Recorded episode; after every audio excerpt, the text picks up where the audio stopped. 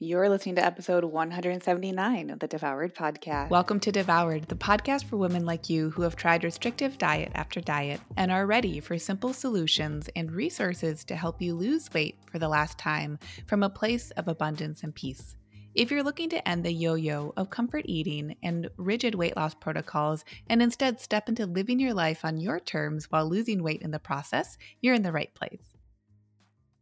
Party, party, party people. Welcome, welcome, welcome to the show. Super happy you're here. We have such a wonderful subject that I just feel so passionate to share with you today. This term likely might not be new to you, but I'm going to ask you to take a little time with the subject today and really investigate and allow yourself to create both your own relationship with the term as well as understanding that, let me just say the term, your inner critic. We're talking about inner critics today. Really understand that this conversation is here to serve you. Sometimes I think a common pattern that people can fall into and even be shown that has to be the pattern that they have to live their lives in is to take new information, information that they're learning, things that they are educating themselves on, and taking that information and weaponizing it against themselves. This is a really common pattern of diet culture. So, if this is something that you recognize that you might have done or that you can be doing, or you slip into patterns or, or episodes of doing, just remember that that's really normal. It's just something I say so often, so my clients are going to laugh, but like nothing's gone wrong. Nothing's gone wrong if you feel like when you take new information, your go to habit is to use that information against yourself. Nothing's gone wrong because that's just a nervous system, it's a body that's trying to utilize information to the best of its ability. And what I want to offer too is that we can't pretend that the world is like perfect sunshine and rainbows. So there's utility to the ability and pattern of taking information and using it against yourself. I know that can sound so funny on the surface, but just remember like we come to our habits and our actions innocently and there is always a utility to what we're doing. And the only reason we talk about really any subject is to allow ourselves to come into the space and the place for awareness to see okay, self, is how I am doing this thing adaptive for me or did I simply learn how to do this in a certain way and now the action has become maladaptive? That doesn't mean it's bad, it's just not suited for the job. Okay, so recognize like I'm going to just give a, a, brief overview of what an inner critic is and how I support my clients through navigating actually being relational with your inner critic. Okay. So allow this information to serve you and take what you will to play with this.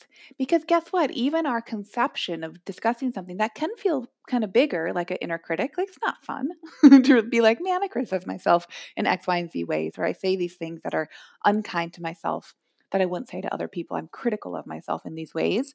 Just remember that even our conception of how we come to the conversation of being self critical we actually are also in charge of if we'd like to, if we create some play, we can come to this conversation with curiosity, right? With wonderment.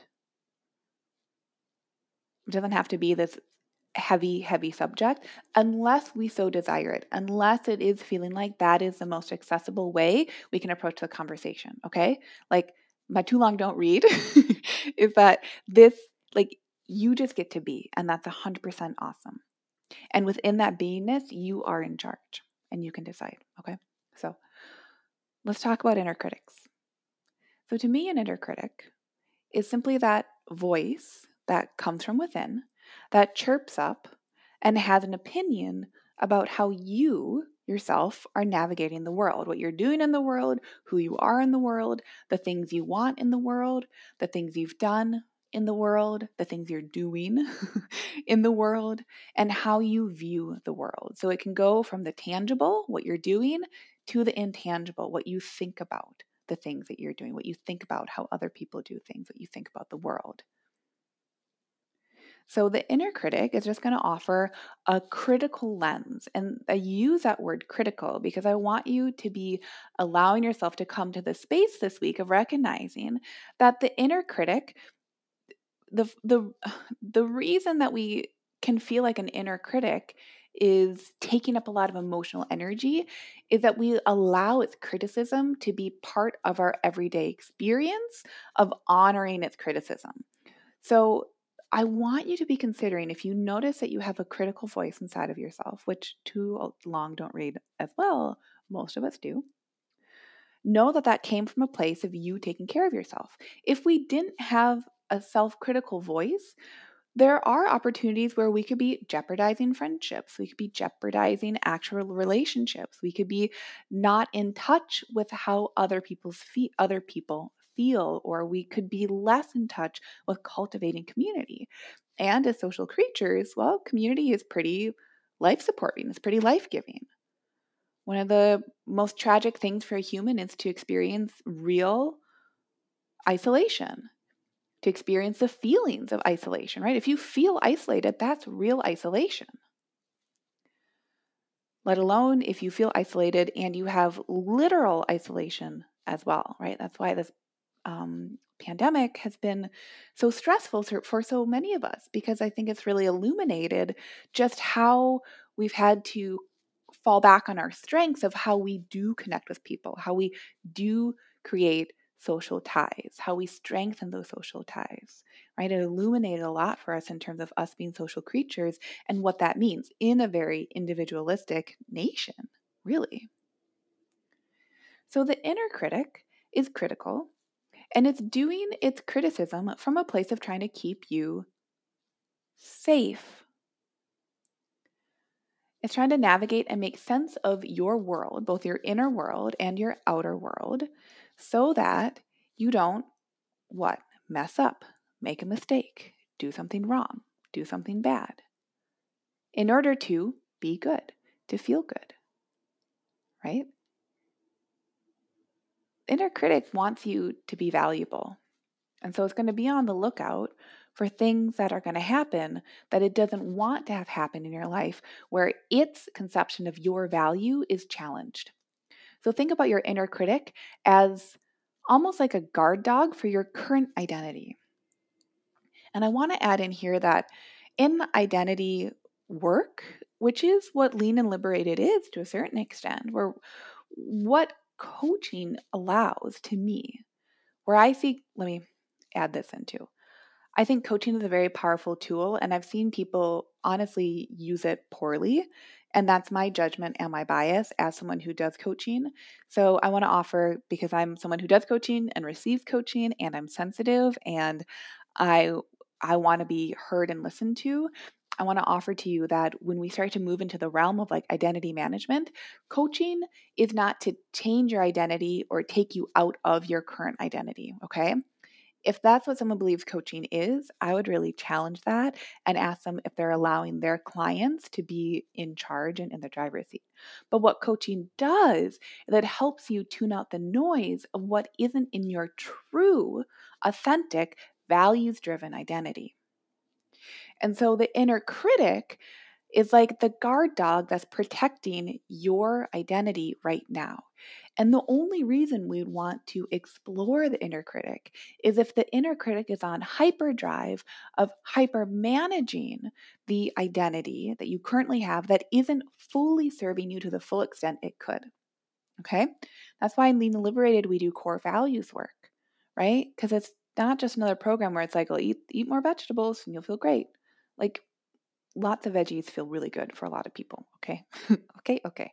But we come at really saying, how do I nourish myself? Why am I choosing to? And how do I do this for life from a place of saying, I am in charge of allowing my actions to fall back on my values so that the inner critic can see and can trust the identity that it is protecting. Because remember, like I said a couple minutes ago, our inner critic is here actually to protect us. Even when things feel really like when we recognize how many of us have recognized, like, man, my inner critic is really self critical. Like, I'd love to have less criticism. Just remember that that inner critic is trying to do its job. And so, us being the person with the identity, I love the visual of a dog. So part of that ep- like episode I'm going to be sharing with you, I want you to visualize and conceptualize your inner critic in whatever way makes sense to you. Maybe it isn't a guard dog.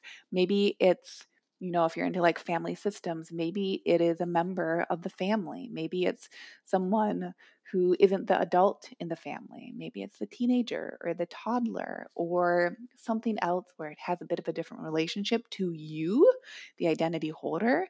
But I love the visual of a guard dog because for me as a dog owner, I can understand when my dog is barking at the mailman or is barking at a weird noise at the front door, even if I'm like, oh my gosh, Hazel, be quiet. Like it's fine. it's like a branch, it's a branch that fell outside. We're fine. We're safe.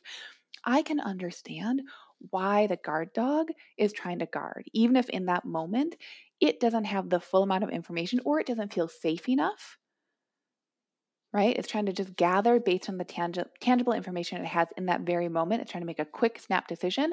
I'd rather protect you than not. Because if I protect you, you're protected. And if it was a big deal that I'm protecting you from, we did it, right? Like mission accomplished. And if I take a break right now and something bad really was there, if that wasn't a branch falling outside and that wasn't an intruder, I can't I can't conceptualize a life where I'd allow that to happen. So I'd rather overly protect you than underprotect you, right? I can understand like a dog's logic. So for me, the ability to come home into a place of, yeah, as I'm shifting and growing my identity and I'm I'm coming into my identity from this value-driven place. Of course, the guard dog is maybe going to be a little confronted by that. It's not a big deal. It doesn't mean anything has gone wrong. Okay? So allow yourself that that space if this is a brand new conversation, but if you're liking like what I'm saying here, allow yourself the space to say, actually, nothing has gone wrong when my inner critic is very self critical. Usually it is chirping up and deciding to say something, be critical about something when it is feeling confronted, when it feels like it needs to be managing its identity. That's really when that inner critic speaks up, right? If you step back and you look at your week or your months or what things tend to bother you, that inner critic is going to try to be managing different circumstances or situations in order to feel like you know how to navigate them. Because the inner critic is going to say, if I'm not here, you won't be able to handle things. You'll goof up. You'll do the wrong thing. You'll eat the wrong foods. You'll look like a buffoon in front of other people. Like the inner critic typically tries to keep us safe from judgment, it tries to keep us safe from death, and it tries to keep us safe from feelings of aloneness, of being like booted out from the crowd. So when we start to see that the inner critic is just trying to protect us, it can really allow us to sink into understanding, yeah, actually, in this journey of tending to myself, I actually get to allow a stronger relationship with my inner critic instead of saying it has to go live out in the doghouse or like it's up for adoption. Because I see that so often where people feel like once they understand these subjects, I have to get rid of my inner critic. I have to never have an inner critic decide it's going to tell me something ever again. No, the dog is going to bark. And we can love it for the reasons it's going to bark, right? Like, and by love, I mean we can just like hold space for it. We don't have to be like, oh my God, yay, you're barking. We can be like, hey, shush. but from that place, we're going to allow our nervous systems to not have to feel confronted and at the ready every single time our inner critic shows up and speaks his mind. So, this is such a big part of what we do in lean and liberated as well that's why i keep bringing it up because it's just it's so important whether you whether you label the inner critic or not it's going to be useful to understand that this entire process is identity management and so of course right? Like, who are we without our identities? Of course, there can feel like there's a huge confrontation. I think it's why it's so amazing when new women sign up for Lean and Liberated, because I'm like, yeah, you're ready to open yourself up and see that you are in charge of your identity. You don't have to fake it till you make it. You don't have to make a new identity. You don't have to get rid of the old identity. All of those are just those patterns of diet culture this or that, on the wagon, off the wagon. If I'm not this, I must be that. Either or. Instead, it's both and.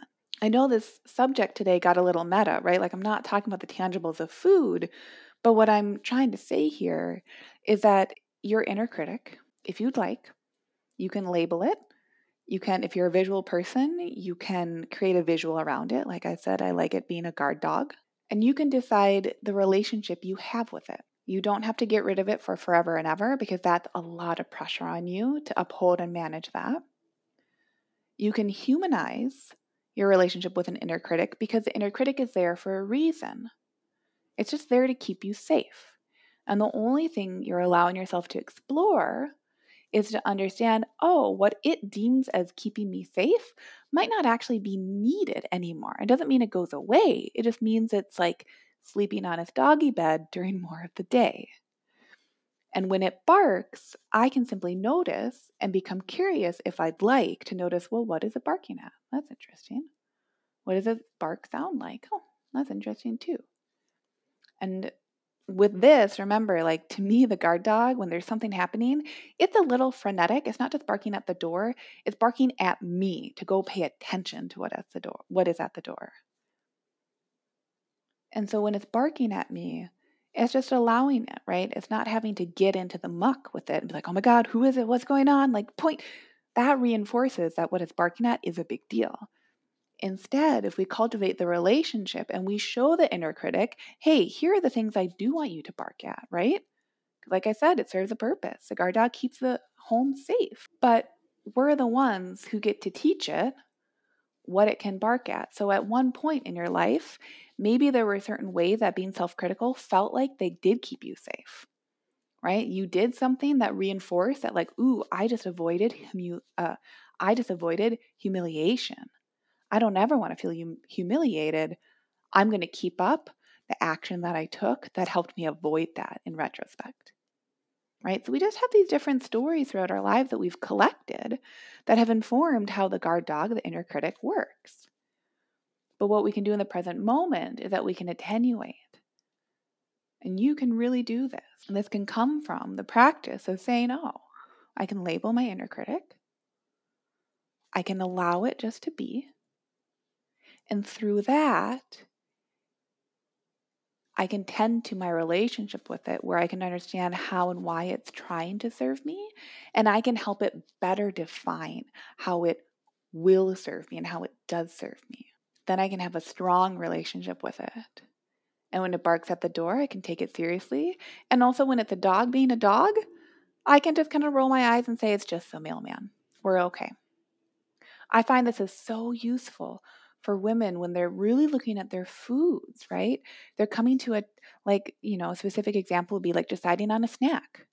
Oh my gosh, what is my inner critic telling me? All, all the barks, all the yips about snack time, right? Unpack, unpack, unpack. Okay, now that I've done that, what do I want to be snacking on? Ooh, all the stories that come up around me being a person who decides what to have a snack on. Okay, unpack, unpack, unpack. You hear the barks, you hear the yips. Okay, all right. Am I hungry right now? Ooh, what does hunger mean to me? Oh, bark, bark, bark. unpack, unpack, unpack. It's just this gentle layering over time. And it can be, let me add in here, sometimes when I use the term time, this can be a process that is like for you, by you. So sometimes doing the unpacking or deciding, like, hey, do I want a snack right now? Man, I used to have a lot of thoughts about snacks, but I'm actually just hungry right now, so I'm going to have one. It can be as simple as that. So remember, like I said at the beginning of the episode, allow yourself to take information like this, this information about the inner critic, and let it serve you versus noticing if you tend to take information and then you layer it on and you allow it to confuse you or overwhelm you, right? You feel like it's something that's now on your to do list or one more thing to look out for to fix yourself, just remember those are the patterns of diet culture. And that's just that inner critic saying, oh, there's something I've really got to be worried about. Let me be at the ready. Truly, the guard dog, the inner critic, can actually be something that does serve you, that you can kind of laugh at, roll your eyes at, and when you allow it to be a relationship that you're coming to from curiosity and humor, or even just neutrality, whatever feels approachable for you, you're going to have that deeper relationship so that when it does perk up, you can decode what it's saying instead of getting into a frenzy or getting in like getting in the muck with it. So use this example this week. I hope you all have such a great, such a, such a, such a great week this week. I will see you on the next episode. Bye. Did you know you can find more support from me on my website? Go to Lucia Hawley, L U C I A H A W L E Y dot com to connect.